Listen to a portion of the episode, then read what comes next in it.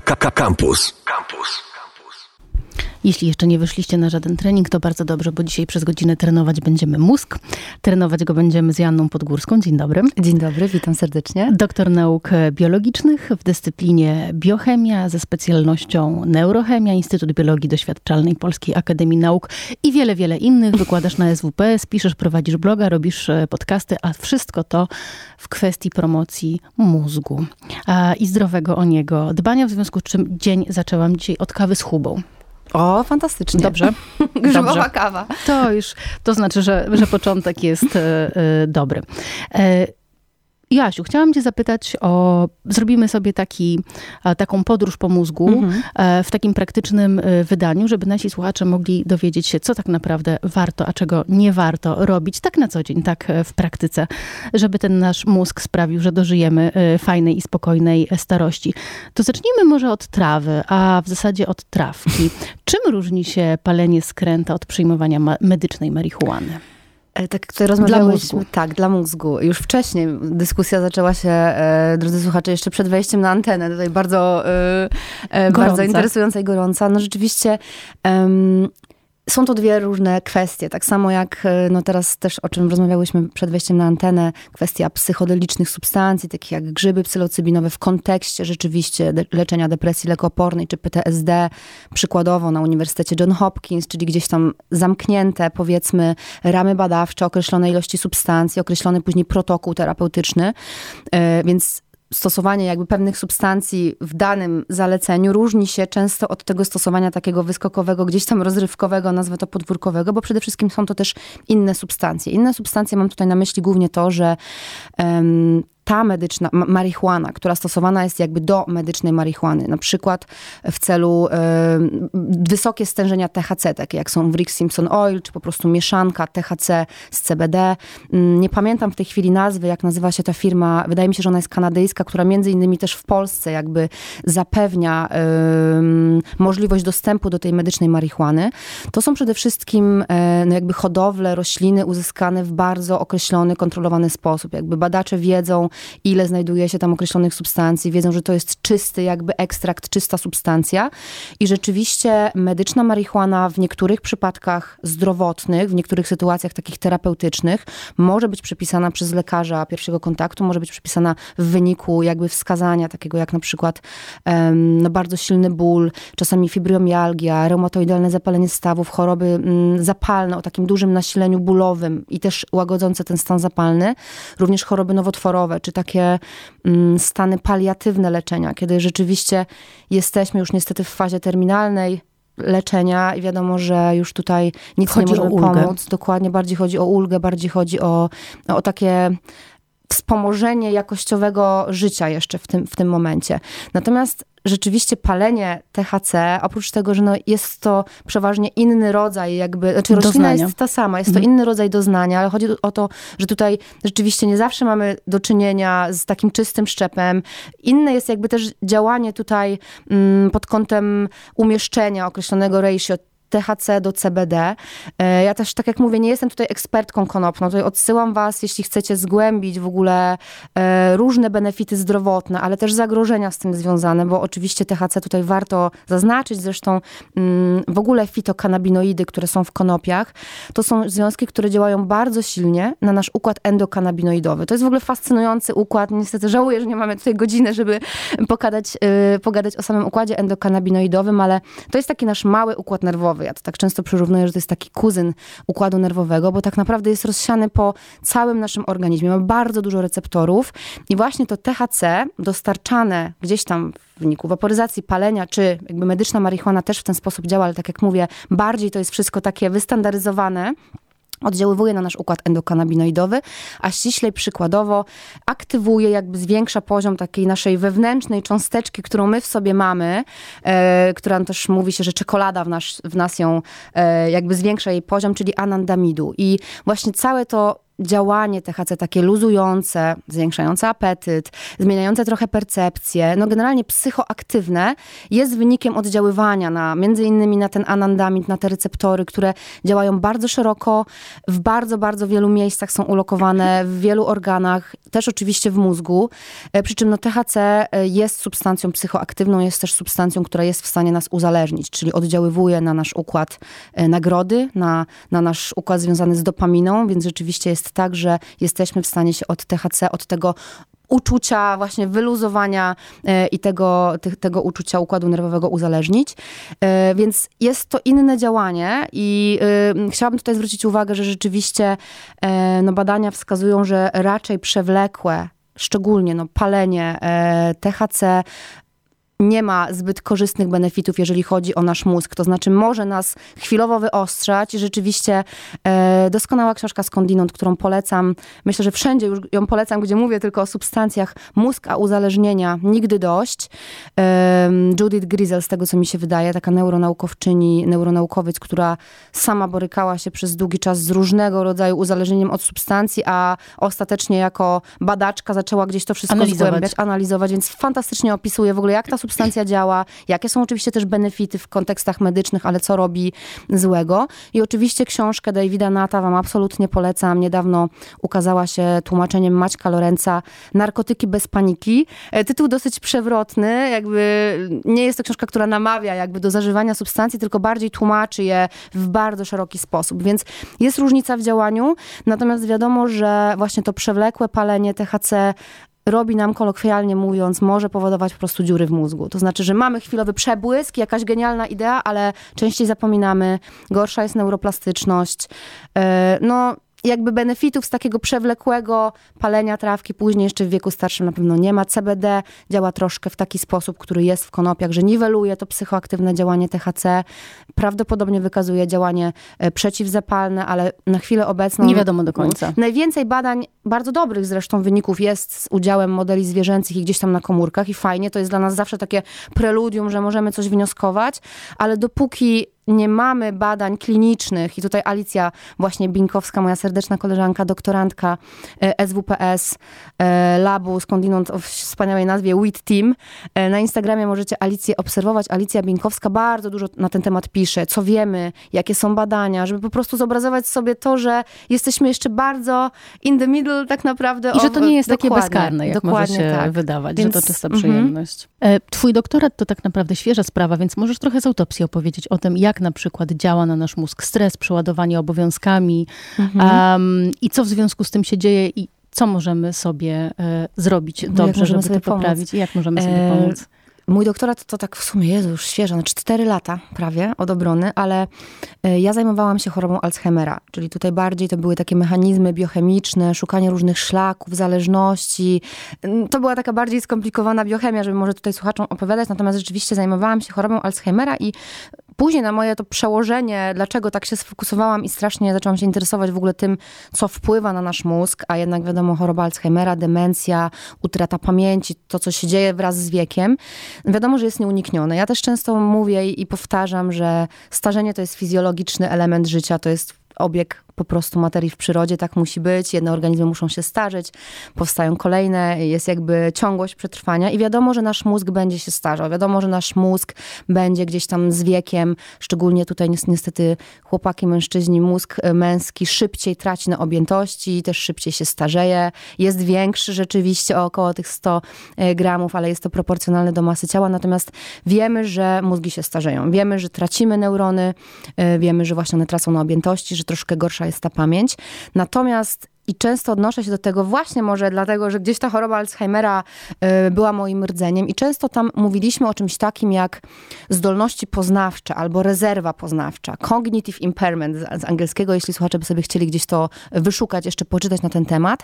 I właśnie to jest takie piękne podsumowanie tego, te zdolności poznawcze czy rezerwa poznawcza, rezerwa, jak sama nazwa mówi, co możemy dla siebie zrobić, żeby możliwie zbudować jakby zaplecze. jak najsilniejsze, dokładnie, oręże, zaplecze, żeby no wiadomo, starzejemy się, będzie gorzej gdzieś tam i tak jak nasze buzie się starzeją, skóra, akceptujmy to, jakby też nie jest to miejsce na to, ale ja jestem wielką zwolenniczką akceptowania po prostu procesów biologicznych, ale gdzie możliwe, to też jakby Pomagajmy pomaganie sobie. organizmowi, dokładnie. I teraz na pewno to, co się plasuje na pierwszym miejscu, chociaż mi zawsze jest trudno wybrać i gdzieś wartościować, jakbym miała takie podium sobie zbudować, ale myślę, że to, co jest nam w sumie najbliższe i e, absolutnie obligatoryjne do życia, no to, no to jest jedzenie i bez jedzenia, e, chociaż woda w sumie jest, bez wody możemy przeżyć krócej, o czym za chwilkę, e, ale rzeczywiście jedzenie jest to najbliższe, jemy cały czas, wokół, wokół jedzenia tak naprawdę kręci się trochę życie, nagradzamy się jedzeniem, nie wiem, w obecnych czasach też coraz więcej mamy takich dysfunkcji, jeśli też chodzi o jedzenie.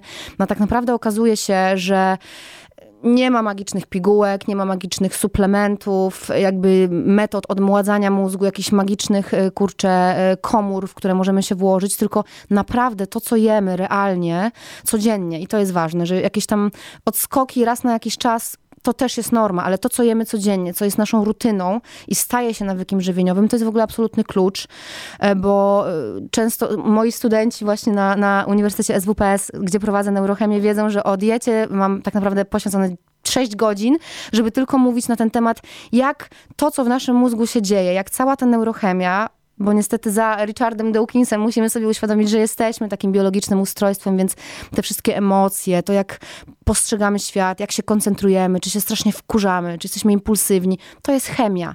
A ta chemia to jest tak naprawdę składowa i wypadkowa tego, co się mogło wytworzyć w naszym organizmie albo co się nie wytworzyło. A produktem, jakby substratem i tym, z czego tworzymy neuroprzekaźniki, jak serotonina, dopamina, czyli motywacja, samopoczucie, to dzięki czemu pamiętamy, jak acetylocholina czy dopamina, to wszystko tworzy się z jedzenia. I teraz nie ma niestety czasu, żeby tutaj mówić co, no, co na nastrój, takie, co na pamięć. Ale takie dobre menu, takie, skrócone, degustacyjne. haki, to y, y, myślę, że to jest w ogóle coś, o czym też y, czuję wielką misję mówienia i, i ludzie, którzy mnie gdzieś tam znają, to wiedzą, że też lubię sobie zjeść czasem słodkie coś, bo słodki smak jest dla nas ewolucyjnie zakonserwowany jako bezpieczeństwo, jako szybki zastrzyk energii, jako takie poczucie ukontentowania, ale musimy sobie zdać sprawę i tak naprawdę wszystkie rozporządzenia teraz dotyczące rosnącej epidemii depresji, mhm. ale też właśnie piramidy żywieniowej yy, i generalnie tego, że choroby yy, różne psychotyczne, schizofrenia, choroba afektywna dwubiegunowa, choroby neurodegeneracyjne, takie jak choroba Alzheimera, wszędzie tam jako podstawa podstaw jest to, żeby dieta nie była zasobna w cukier, w cukier prosty, czyli węglowodany proste, takie jak glukoza, gdzieś tam syrop glukozowo-fruktozowy, czyli słodzone napoje, słodzone kurcze keczupy, dodatki do musztard, wszędzie mamy ten taki cukier ukradkiem szkodliwy. gdzieś szkodliwy wsadzony, plus to, że rzeczywiście no, spożywanie dużej ilości cukrów prostych w słodyczach, w żywności przetworzonej, wiadomo, że to jest przyjemne, tak jak mówię, ale chodzi o to, że to jest coś, co działa na neurony po prostu e, zabójczo. zabójczo. I wiadomo, tutaj od razu wyjaśniam, dla neuronów, dla naszych komórek nerwowych, czyli to, co tak naprawdę kręci całym tym mózgiem, oprócz astrocytów, których też zawsze powtarzam, że nie tylko neurony, ale jest potrzebna glukoza. Pełna zgoda. My musimy mieć ten, to źródło to energetyczne. skąd ją brać, żeby było dobre? Oczywiście z węglowodanów, ale najlepiej jak z węglowodanów złożonych, czyli kasze, ciemne pieczywo, ryż, yy, węglowodany, które są w warzywach, jakby owoce. Chodzi o to, żeby to nie był sam cukier prosty, glukoza, taki jak jest w słodyczach, bo po prostu działa prozapalnie, nasila stan zapalny w organizmie, w mózgu, uszkadza neurony, tak naprawdę ogłupia nas. Dieta, która jest wysoko cukrowa, która bazuje głównie na prostych węglach, na takim szybkich zastrzykach energetycznych, jeszcze jakieś napoje energetyczne między tym wszystkim, no naprawdę nie działa długofalowo dobrze i ostatecznie jest tak, że czujemy właśnie przewlekłe zmęczenie, problemy ze snem, problemy z koncentracją. Glukoza dodawana przewlekle, która krąży nam cały czas gdzieś tam w krwiobiegu, bardzo mocno po prostu wpływa na takie rozleniwienie, układu nerwowego, nie wyostrza nas. Więc to jest jakby taka podstawa, żeby tego cukru w diecie Unikać. nie było nie było najwięcej, żeby tak mhm. tak naprawdę było dużo więcej owoców, warzyw. E, drugą komponentą bardzo istotną i też mam wrażenie, że trochę za mało o tym mówimy, chociaż może się to zmienia. Mózg tak naprawdę to jest woda i tłuszcz. W większości błona komórkowa neuronów to, to jest tłuszcz. Jeżeli ona nie działa sprawnie, no to nic nie może tak naprawdę się dziać, nie mogą przychodzić sygnały nerwowe. Mielina, czyli ta osłonka, która otacza włókna nerwowe, która w stwardnieniu rozsianym niestety ulega na przykład degeneracji, to też jest tłuszcz i I tak naprawdę dla nas, dla prawidłowego funkcjonowania mózgu, niezbędne są kwasy tłuszczowe, tylko tutaj chciałabym... Tylko które z kwasy tłuszczowe? Dokładnie. Właśnie. Najlepiej Zapamiętajcie proszę wielonienasycone kwasy tłuszczowe, omega-3, omega-3, omega-6 z przewagą tych omega-3. Natomiast to, co jest bardzo ważne... Ryby? Właśnie, dzielimy je jakby na dwa źródła i też bym chciała że super, że, że mam ten czas antenowy, kiedy mogę Proszę. to znowu podkreślić, bo to jest do znudzenia. Omega-3 dzielimy na źródła roślinne, tak jak na przykład kwas ala, który jest w siemieniu lnianym, doskonałe źródło roślinne, przy czym jeśli chcecie najwięcej benefitów z siemienia lnianego pozyskać, to najlepiej kupić sobie mm, w całości i zmielić je na świeżo, bo ono stosunkowo szybko się te kwasy tłuszczowe utleniają. Czyli nie gotować na żel, tylko zmielić na, zmielić na świeżo i później możemy mm -hmm. sobie zrobić mhm. kleik, ale ważne, żeby raczej, e, raczej było mielone na świeżo lub olej lniany. Fantastyczne źródło kwasów omega-3 roślinnych, ale to, co dla naszego mózgu jest jakby tym głównym pokarmem, tą główną baterią, to to, co powiedziałaś, są ryby, dlatego że chodzi o kwasy EPA i DEHA. To są kwasy pochodzenia zwierzęcego, yy, ale tutaj zaraz dobra wiadomość dla wegan, wegetarian, jeśli nie jemy ryb. Więc ryby, wiadomo, jak dzisiaj jest, ja yy, jakby unikam No bo to jest ten dylemat, na przykład łosoś. Tak, um. to jest problem. Ja wiem, że dzisiaj jest tak, że z jednej strony, po jednej stronie barykady mamy, no tak, ale jakie ryby, z jakiego źródła, zanieczyszczenia, rtęć, dioksyny, wiadomo. Z drugiej strony, no te ryby są dla nas niezbędne, więc jeżeli nie możemy jeść ryb lub nie mamy, bo oczywiście można też pozyskać z dobrego źródła. Są w tej chwili w Polsce też hodowle, kiedy rzeczywiście możemy zaufać. Natomiast jeśli nie jemy ryb, to naprawdę całą po prostu e, sobą zachęcam do suplementacji kwasów omega-3, szczególnie jeżeli mamy taki okres, kiedy jakiś stan zapalny toczy się w organizmie, kiedy po prostu, nie wiem, jesteśmy po covid gdzieś tam borykamy się z mgłą mózgową, kiedy chcemy po prostu wspomóc mózg od takich podstaw, podstaw, to są kapsułki z EPA i DHA z omega-3 albo TRAN. Natomiast dobra wiadomość dla osób, które nie jedzą właśnie ryb, e, a chciałyby się jakby no gdzieś tam dodać się, dosuplementować tymi kwasami DHA szczególnie, to te kwasy znajdują się w algach, w algach z rodzaju schizochrytrium, z tego co pamiętam. Po prostu wygląda to tak, że te algi, ten plankton y, sam w sobie syntetyzuje to DHA, a te rybki później zjadając te algi siłą rzeczy gdzieś tam w swoim mięsie Czyli weganie kumulują. i wegetarianie Mogą, nie są pozostawieni tak, na, można na niełaskę DHA suplementować i te tłuszcze. Y, jeśli mnie ktoś pytał o jakąś taką podstawę, to to. I rzeczywiście raczej unikanie kwasów tłuszczowych zwierzęcych nasyconych. Oczywiście są takie manewry dietetyczne i sama też jakby jestem zwolenniczką diety wysokotłuszczowej w niektórych przypadkach, szczególnie związanych z takimi chorobami neurologicznymi jak epilepsja, jak właśnie choroby zapalne układu nerwowego, y, ale i więc te tłuszcze nasycone roślin, zwierzęce po prostu z takim dużym umiarem. I rzeczywiście badania wskazują, że raczej kwasy omega-3, raczej tłuszcze DHA, EPA. Jeśli chodzi o najzdrowsze tłuszcze roślinne, to w tej chwili została uznana po prostu królowa e, oliwa. E, oliwa z oliwek e, zielona, taka najlepiej dosyć cierpka. I filtrowana. I filtrowana, jeśli kupujemy to w szklanej butelce. Oliwa z oliwek po prostu jest królową, jeśli chodzi o witaminę E, o hydroksytyrozol, o taki związek oleokantal, który działa też przeciwzapalnie. A mięso? Mięso? Jak jest z tym mięsem? Bo, bo e. myślę, że równie, silną, e, równie silnym trendem jak e, weganizm i wegetarianizm mm -hmm. stanowią jednak mięsożercy. Mięsożercy. Tak, więc teraz grupę. jakby wiadomo, że są osoby, które są zwolennikami i też są takie badania, bo wiadomo, świat nauki cały czas nam, nas zarzuca tutaj nowymi doniesieniami. Do niedawna mleko było niezdrowe, później, że zdrowe, później Jajka wiadomo. B, teraz Dokładnie. Okay. Natomiast ja akurat niedawno ukazała się najnowsza taka praca, wydaje mi się, że to było w PLOS ONE i coraz więcej takich metaanaliz i podsumowań naukowych, które mówią, że rzeczywiście dieta, która jest dla nas najzdrowsza, wydłuża nam życie, to jest dieta z ograniczoną ilością czerwonego mięsa. Wydaje mi się, że to jest raz, maksymalnie dwa razy w tygodniu, natomiast to, co wiemy, że nas jakby zasila i działa tak prowitalnie z korzyścią dla całego organizmu i też dla mózgu, a wiadomo, że jeżeli mózg długo trzyma się dobrze, to też to niezwykle mocno wpływa poprzez całą psychosomatykę i poprzez połączenia na ciało. Więc to jest dieta z ograniczoną ilością mięsa, duże ilości ryb, bardzo duże ilości warzyw, owoców, szczególnie, słuchajcie, owoce jagodowe, borówki, aronia, porzeczki, jagody, orzechy, migdały, orzechy nerkowce, orzechy włoskie, właśnie oliwa z oliwek, umiarkowana ilość nabiału i bardzo fajne badania, które wykazały, że nawet o 14 lat może wydłużyć się długość życia i tutaj y, królowymi, królowymi, y, królami i tak naprawdę na podium były strączki. Strączki, mhm. fantastyczne źródło białka, jeśli właśnie chcemy Groszki, trochę fasolki. zmniejszyć tą ilość mięsa, ciecierzyca, soczewica, groch, fasola. No można wyczarować z tego naprawdę fantastyczne rzeczy i też to są bardzo dobre źródła e, takich różnych związków, które są niezbędne, żeby syntetyzować nam serotoninę, dopaminę, czyli i neurochemia, i też w ogóle dbałość o to, żeby ten mózg się miał dobrze. Ale tak jak na początku rozmawiałyśmy o różnicy pomiędzy THC i CBD, na którą zrobiła się moda, od dłuższego czasu e, my też przodujemy jako Polacy w suplementacji. Tak. Uwielbiamy sobie brać nasze magiczne -hmm. tabletki e, na wszystko. Mm, I faktycznie tej oferty, ten wybór jest coraz szerszy, coraz większy, coraz więcej jest takich kuszących haseł sięgających gdzieś do medycyny ajurwedyjskiej, ażwagandy i inne rzeczy. Jak to jest z tą suplementacją? Co tak naprawdę jest nam potrzebne, jeżeli w ogóle jest nam potrzebne do tego, załóżmy zdrowego mhm. człowieka, e, żeby sobie brał dodatkowo? Czyli taka podstawa postaw. E, mhm. Po pierwsze zgadzam się z tą w zupełności, całkowicie. E, Narodowa Izba Kontroli i te raporty są no, czasami trochę nawet mrożące krew w żyłach w takim sensie, że bierzemy tej suplementacji bardzo dużo. To są miliardy złotych i jakby z jednej strony super, że rośnie świadomość, bo rzeczywiście takie sytuacje jak diety wykluczające, eliminacyjne, też przed chwilką jeszcze poza anteną rozmawiałyśmy o tym, że obie nie jemy mięsa, jak ważna jest ta suplementacja i tu jest pełna zgoda, żeby się tym interesować. Natomiast druga kwestia jest taka, że po pierwsze, nie wszystko jest dla nas potrzebne, czyli to, jeżeli koleżanka bierze, nie znaczy, że ja muszę.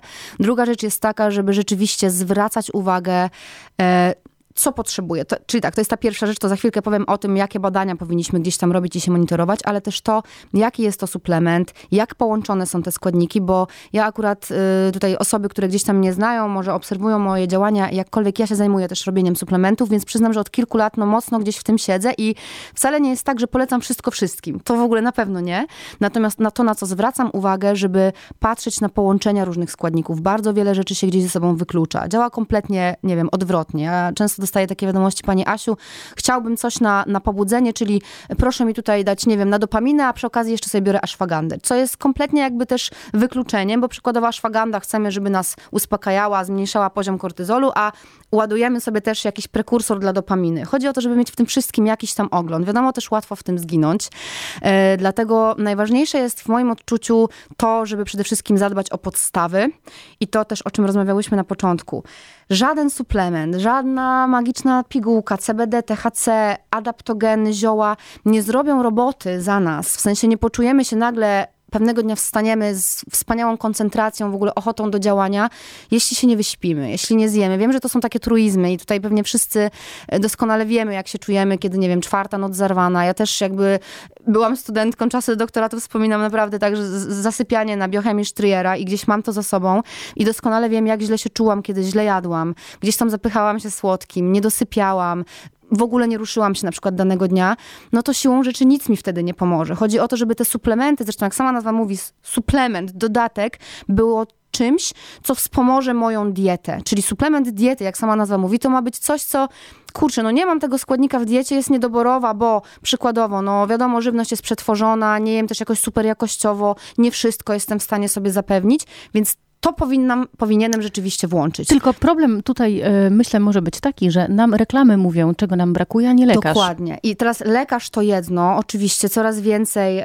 lekarzy też przy stosowaniu pewnych leków, nawet na stałe, przykładowo, nie wiem, borykamy się z niedoczynnością tarczycy, na stałe przyjmujemy hormony, eutyrox czy letrox, też tutaj ważna jest suplementacja i lekarze szczęśliwie coraz więcej o tym mówią.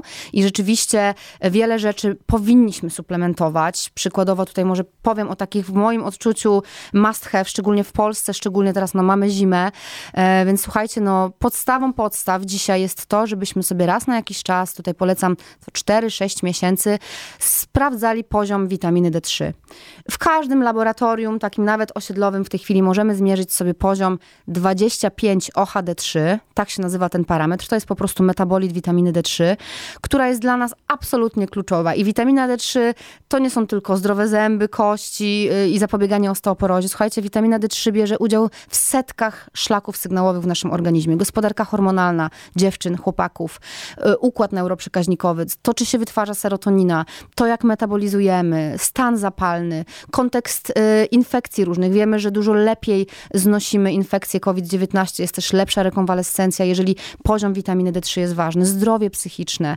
Wiele badań, wiele metaanaliz też pokazuje, że osoby borykające się z nawracającą depresją, z gorszymi stanami emocjonalnymi, niestety też osoby, które gdzieś tam miały ze sobą próby samobójcze, czyli taka silna depresja, miały obniżony poziom witaminy D3 i co ważne kwasów omega-3, mhm. o czym też, też mówiłam, że badania wskazują, że rzeczywiście one są pomocne. Więc ta witamina D3, szczególnie w czasie jesienno-zimowym, to gdzie tylko mogę, zawsze powtarzam, żeby ją suplementować. Bo bierzemy ją ze słońca. Ciężko nam bierzemy by było zdobyć ją z jedzenia. Tak, bierzemy mhm. ją ze słońca. Bierzemy ją w taki sposób, że nasze keratinocyty w naskórku, tutaj cholesterol przekształcają pod wpływem promieni słonecznych i tutaj pełna zgoda, dlatego nawet w ogóle zawsze powinniśmy spędzać dużo czasu na, na zewnątrz. Ja jestem wielką zwolenniczką ekspozycji po prostu na światło i to nawet nie chodzi o to, że musi tutaj być lampa e, i nie wiadomo jakie słońce. To słońce też przechodzi przez chmury, więc wiosną, gdy tylko te promyki słoneczne są, wystawiajmy się. Nawet te 15% ciała, czyli odsłonięte gdzieś tam dłonie, szyja, buzia, już nam coś daje.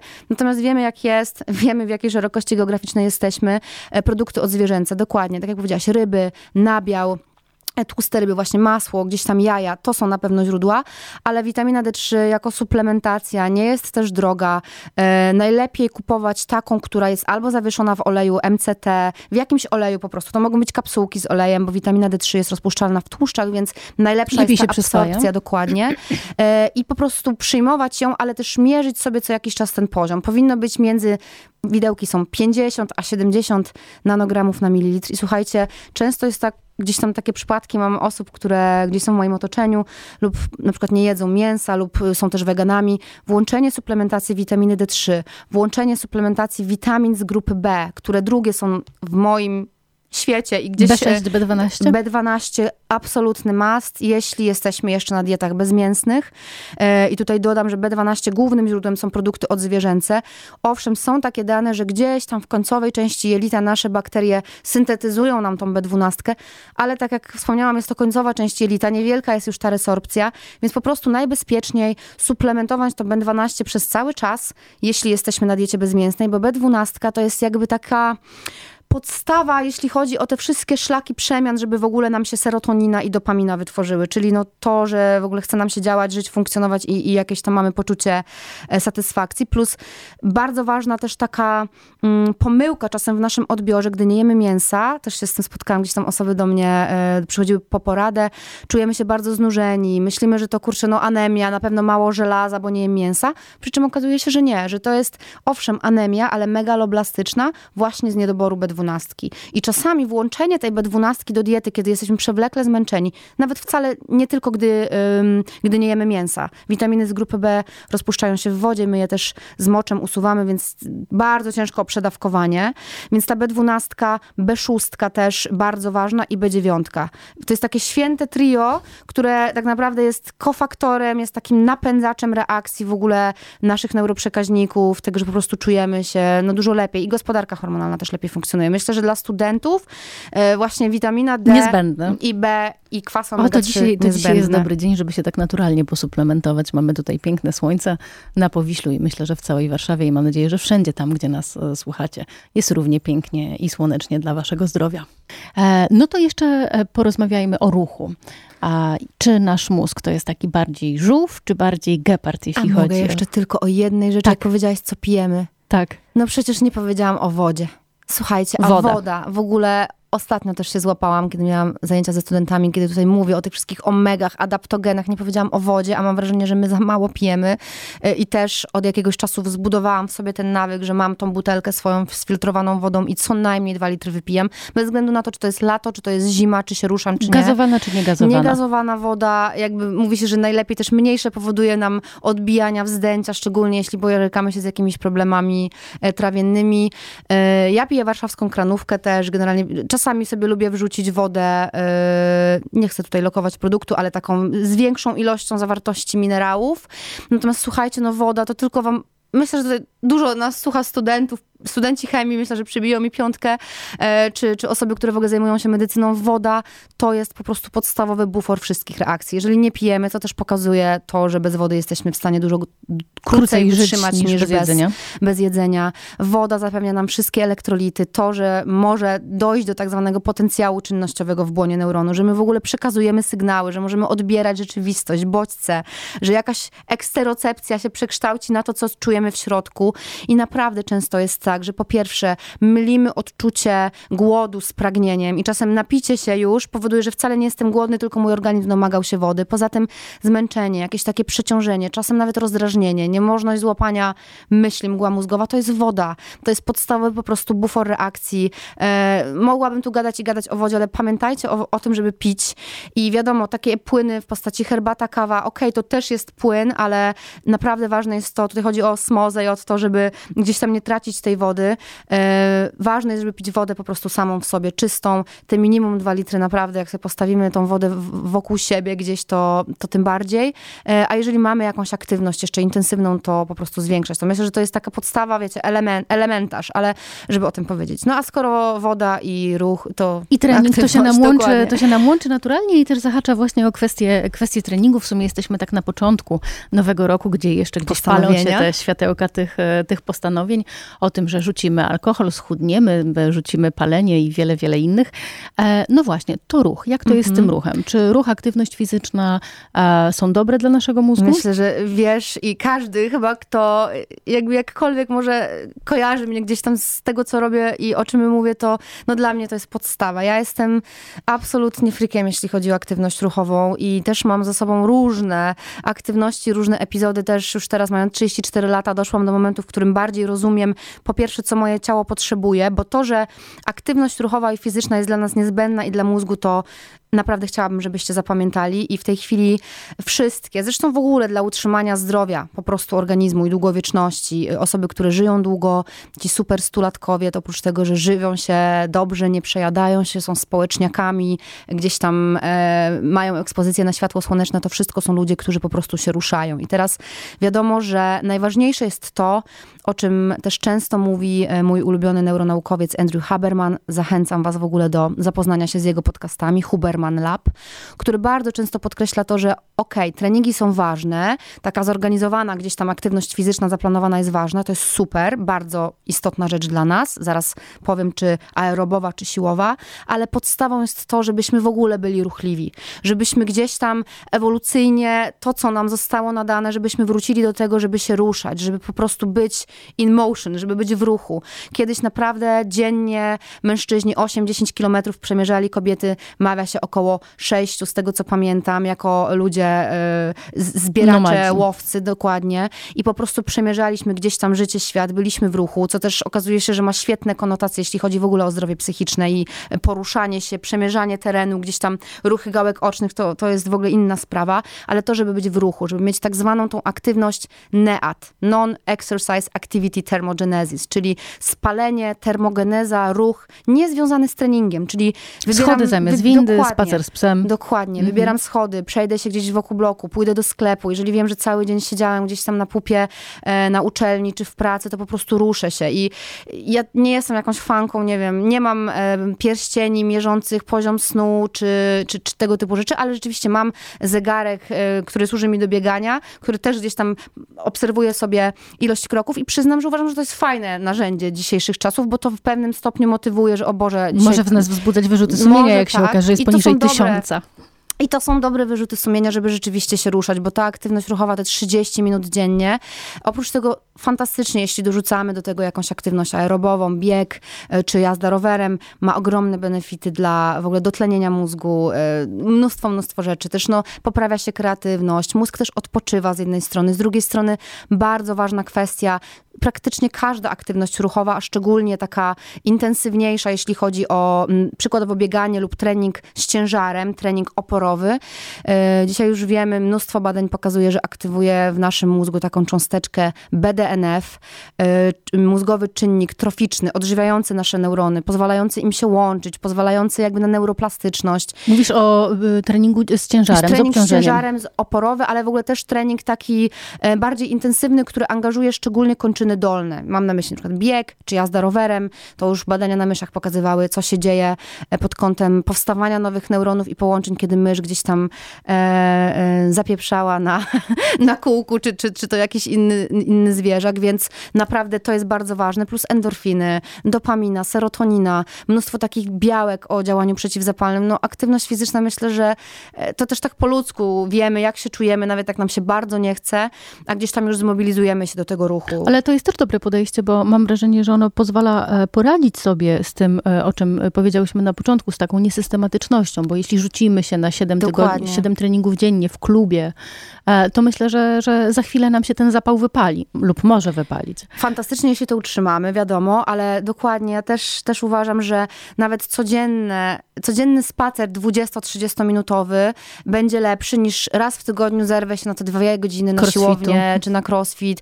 Jakby wszystko z głową i też najważniejsze jest to, żeby utrzymać tą systematyczność, czyli najfajniej jest znaleźć jakąś aktywność lub jakikolwiek gdzieś benefit sobie tam wyszukać, tak samo jest w kontekście nauki, jeśli sobie upatrzymy, nawet wmówimy sobie, że coś, że coś jednak lubię i czuję się wyróżniona, że mogę to posiąść i zdobyć tą wiedzę, czy, czy robić tą aktywność, to naprawdę bardziej się w nas zakorzeni, a niezwykle ważna jest ta systematyczność. Natomiast... Czyli jeśli... ośrodek nagrody. Ośrodek nagrody, ale to, co mogę dodać jeszcze, nie tylko biegi, wiecie, jakaś zorganizowana aktywność, czy podnoszenie ciężarów, słuchajcie, fantastyczną aktywnością, szczególnie dla osób starszych, ale tutaj chodzi o zapobieganie demencji, ale w ogóle taką socjalizującą, budzącą w nasz zmysły, taką po prostu konsolidującą gdzieś taką integrację sensoryczną, plus pracę nóg, pracę rąk, jest taniec. I tak naprawdę taniec myślę, że jest w ogóle przepiękną aktywnością, bo e, gdzieś zasłyszałam takie ładne określenie, że taniec jest, tańczy się po to, żeby tańczyć że nie ma konkretnego celu, po prostu oddajemy się gdzieś tam muzyce, to też fantastycznie nas luzuje. Jeśli robimy to tak rzeczywiście, że zakorzeniamy się w tym momencie, to przy okazji jest fantastyczna praktyka też uważności, żeby być, słyszeć, gdzieś dopasować się, jeśli tańczymy z partnerem. Mm, I właśnie to jest jedno z takich, może remedium to za duże słowo, ale na pewno coś, co może odsuwać też w czasie po prostu starzenie się układu nerwowego. Y, yoga, również takie aktywności, które wydają się być bardziej stateczne, chociaż yoga potrafi też dać dobry wycisk, ale po prostu aktywność, która aktywuje nasze mięśnie, w ogóle sprawia, że jesteśmy w ruchu, a też fantastycznie łączy to z oddechem. A, a oddech, ta relaksacja, też to, żeby nie być cały czas nakręconym, tylko dawać sobie przyzwolenie na to, żeby osiąść, żeby wylądować i żeby, y, żeby dać trochę odpocząć. To jest w ogóle druga strona, która musi grać tak naprawdę na tej, y, mm, musi, ta harmonia musi w ten sposób funkcjonować, że musimy mieć to wszystko, co nas pobudza, nawet w aktywności fizycznej, ale też to, co nas jakby relaksuje. Jeśli mowa o pobudzaniu, to jest bardzo dobry pretekst. Mamy za chwilę jutro walentynki. Tak. E, czy zakochanie to jest podobny stan dla mózgu, jak na przykład jedzenie czekolady? Yy, tak w dużym skrócie, bo mamy mało czasu, żeby o tym mówić, ale mogę też słuchaczy, nie wiem, zachęcić. We wtorek będę miała e, audycję e, po prostu poświęconą temu typowo, tutaj z ekspertką od miłości. Będziemy chciały trochę na czynniki pierwsze rozwalić neurochemię miłości, ale słuchajcie, tak rzeczywiście jest. Oczywiście jest to miecz obosieczny, bo kiedy to zakochanie jest, jest fantastycznie i czujemy się cudownie. Też jak to w różnych fazach miłości, bardzo wiele rzeczy pod kątem hormonów i neurochemii się zmienia, ale rzeczywiście sama faza zakochania, czyli to to, że wydziela się w nas fenyloetanoloamina, pochodna amfetaminy, e, która nas pobudza, która daje nam taki high. Zapominamy o jedzeniu, zapominamy w ogóle o, o całym Bożym świecie, jak to się mówi. Bardziej działa w nas taka część emocjonalna, mniej ta logiczna, powiedzmy, ta kora przedczołowa, czyli coś, co ma nas tak trochę bardziej trzymać w ryzach i e, no, mamy myśleć o pracy, studiach, gdzieś tam jedzeniu, a tutaj oddajemy się bardziej tym takim E, rzutom emocjonalnym, więc rzeczywiście fenyloetanoloamina, serotonina na początku, dopamina, bardzo takie cząsteczki, taki koktajl, który jest takim driverem przyciągania. Później, kiedy to już troszkę jakby opada, wchodzą w grę inni jakby gracze, czyli oksytocyna u kobiet, szczególnie u mężczyzn, e, wazoprysyna, które nas przywiązują i też już wtedy związek wchodzi jakby na inną fazę, bardziej takiego przywiązania, bardziej takiego oddania. E, więc tak, tutaj w ogóle o miłości to dużo mam w sobie takiej części y, humanizm i, i, to wszystko, co ludzkie jest mi bliskie, ale z takiej perspektywy biochemicznej i chemicznej to naprawdę można to wszystko rozłożyć pięknie na czynniki pierwsze. E, co też jest dosyć ciekawe, bo jeśli przykładowo jesteśmy w bardzo dużym stresie, jesteśmy przemęczeni, źle się odżywiamy, nie ruszamy się, to tak naprawdę bardzo często to jest powodem tego, że mamy przykładowo obniżone libido, że może w nam związku się super układać, że partner jest fantastyczny, jest wszystko ale jak z obrazka, ale nie ma ochoty na seks, bo to jest po prostu biologia. I tu jest wiadomo bardzo dużo różnych składowych, ale rzeczywiście to wszystko też, co nam daje później hormony płciowe, co powoduje, że nasz mózg odbiera partnera, sytuację, gdzieś tam aurę w taki, a nie inny sposób, to jest czysta chemia. Jeśli my się gdzieś zalewamy hormonem stresu, jesteśmy przemęczeni, przeciążeni, no gdzieś, nie wiem, sesja, niedospanie, co jest jakby koleją rzeczy, to nic dziwnego, jakby, żeby wtedy nie decydować może o zakończeniu związku, jeśli przykładowo się tylko układa. Tylko zjeść dobre śniadanie albo może dobrą się kolację. odżywić, może się ruszyć, może trochę zadbać bardziej tak e, dogłębnie o to, bo to po prostu też jest gra chemii u nas. A afrodyzjaki w takim razie, skoro jesteśmy przy tym, dużo się o tym mówi, zwłaszcza w kontekście jutrzejszego, e, jutrzejszego święta. Krewetki. Czy faktycznie, no właśnie, czy są takie rzeczy, które, które zjedzone bądź e, wypite podnoszą mhm. tę temperaturę uczuć. E, na pewno w ogóle gdzieś są starożytni już i medycyna ludowa trochę i, i ayurveda i kwestie różne związane z ziołami mówią, że są pewnego rodzaju zioła, e, czy, czy właśnie takie, no w ogóle po prostu związki pochodzenia roślinnego, które rzeczywiście albo wpływają na lepsze ukrwienie narządów płciowych, albo po prostu zwiększenie ciśnienia krwi, lub też wpływają na gospodarkę hormonalną, mogą troszkę zmniejszać poziom kortyzolu, a zwiększać poziom innych hormonów, bo to jest gra hormonów. I tak naprawdę jest kilka ziół, które rzeczywiście mają takie udokumentowane, gdzieś tam szczególnie właśnie w tych, e, nie wiem, medycynie wschodu, ale też coraz więcej z tego czerpiemy. Liścia, liść damiana, mój rapłama, przykładowo żeńszeń, przykładowo szatawari u kobiet. A lubczyk? Lubczyk również również też tak lubczyk, e, właśnie jeszcze było takie jedno zioło, nie wiem czy to był rozmaryn, ale lubczyk na 100%. Też wiemy, że krewetki jakby, chociaż e, ananas mnie prawdopodobnie. Przyznam, że ja nie jestem, jakby bardziej zajmuję się mózgiem niż taką chemią afrodyzjaków, ale ma to znaczenie, bo też po prostu wpływa w pewien sposób na naszą gospodarkę hormonalną. Natomiast słuchajcie, bardzo mocno e, z naszą emocjonalnością, w ogóle budowanie nastroju, myślę, że wszystkim się nam kojarzy w pewnym stopniu. No jakby światło, muzyka to jedno i rzeczywiście jakby aż nie mogę wierzyć, że to mówię. Mój mąż nie słyszy tej audycji, że ja tutaj takie romantyczne, romantyczne. mi się włączają, ale słuchajcie, zapach. Zapach, y, nasze węchomózgowie, w ogóle hipokamp, czyli ta struktura, która odpowiedzialna jest za pamięć, jest bardzo mocno związana z emocjami. My jesteśmy w sobie w stanie, nie wiem, no ja na przykład pamiętam zapach domu, mama robi łazanki, czy jakiś chleb się piecze. Od razu to przywołuje pewne wspomnienia. I zapach też jest w stanie nas stymulować w określony sposób. No stąd te wszystkie gdzieś tam firmy, mieszacze perfum, perfumiarskie, perfumiarze, granie określonymi zapachami rzeczywiście rzeczywiście też jest nas w stanie jakby pobudzać takie zapachy korzenne, jak cedr, piżmo. E, no to, to robi robotę na pewno, tylko no znowu, to jest podobnie jak w przypadku suplementacji. Możemy się tutaj wypachnić wszystko, ale jeżeli jesteśmy znowu zestresowani, nie okej okay działa nasz układ nerwowy, a seks to jest tak naprawdę i pożądanie, i, i, po, i pociąg, i w ogóle namiętność to jest bardzo duża gra układu nerwowego, no to też tutaj, choćbyśmy wylali litry tych perfum, może się okazać, że po prostu nie czujemy Nic się z tego okay. nie będzie. E, Asiu, Czego możemy życzyć naszym mózgom, mózgom naszych słuchaczy na koniec e, tej audycji a w takim razie? No, żeby dbali o siebie. Wiadomo, że to jest po prostu Paulo Coelho, ale y, chodzi o to, żeby po prostu mieć ogląd na to, że musimy dobrze jeść. I wiadomo, mnie też to się zdarza. Ja też uwielbiam sobie zjeść, nie wiem, rogala marcińskiego, jak jest święto, czy coś słodkiego. Tylko chodzi o to, żeby jednak ta podstawa, czyli to, co się dzieje codziennie, to jednak była żywność po prostu odżywcza. Żebyśmy się odżywiali, a nie przejadali. Bo dzisiaj często jest tak, że jesteśmy na maksa przejedzeni. Idziemy spać ciężkim brzuchem, a w sumie mamy bardzo dużo niedoborów, czyli żeby gdzieś o to zadbać, żebyśmy pili wodę, żebyśmy się ruszali, nawet jeśli mamy bardzo ciężki gdzieś tam dzień, to żeby chociaż zmobilizować się, jeśli mamy psa, to super, jeśli nie, to po prostu wyjść z kumpelą, z kumplem na spacer, ale żeby też w tym wszystkim e, odpocząć, wyspać się i o śnie to nie mamy dzisiaj czasu, ale naprawdę sen, słuchajcie. Myślę, że zrobimy jest... na ten temat osobną e, audycję. Ja mogę wpaść, pogadać i o śnie, ale właśnie pamiętajcie, że bywają oczywiście momenty, projekt, sesja, zaliczenie i, i trzeba gdzieś tam tą noc zarwać, ale naprawdę te 7-8 godzin snu to jest podstawa, bo bez tego ani mózg się nie oczyści, układ limfatyczny tylko działa wtedy, kiedy śpimy.